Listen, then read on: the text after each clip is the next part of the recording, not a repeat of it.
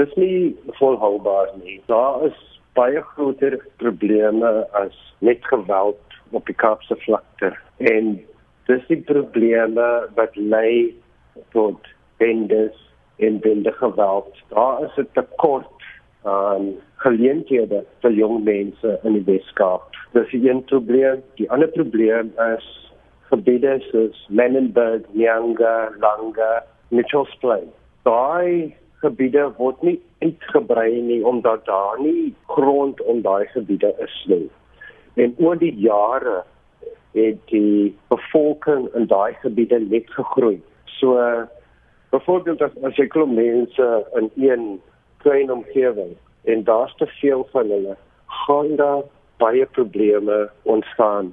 So ons voel dat daar nuwe gebiede moet gebou word, uh, suburbs gebou word met fasiliteite wat jong mense van die strate af kan hou soos parke, biblioteke, sportvelde, sentrums waar hulle kan skills kry en werksgeleenthede geskep word.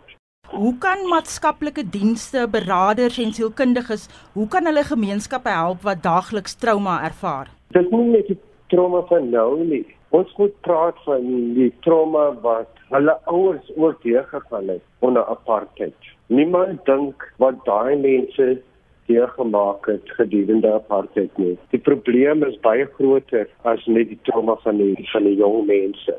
En dit het amper normaal geword dat mense die daai trauma van dat kinders sien hoe anders voor hulle doodgeskiet word, geroof word, aangerand word. En dis nie normaal nie. Dit is alom bekend dat bendeleiers gemeenskappe finansiëel help en op die manier hulle loyaliteit koop. Hoe kan gemeenskappe van bendes ontslaa raak as dit die situasie is? Hoe gaan daai mense dan 'n inkomste hê? Gee dan mense geleenthede dat hulle die wet sal begin gehoorsaam en dat die mense wat nie die wet gehoorsaam nie, dat hulle teenkanting sal wys teen daai mense Dis hoe mense die storie gaan regkry. Gee vir hulle ander geleenthede. Dis daai mense se inkomste. Hulle wys hulle loyaliteit aan die bendeleiers en die bendeleiers gee hulle geld, dwelms wat ook al kry die nuusware. So wat 'n ander geleenthede het daai mense tot hulle beskikking.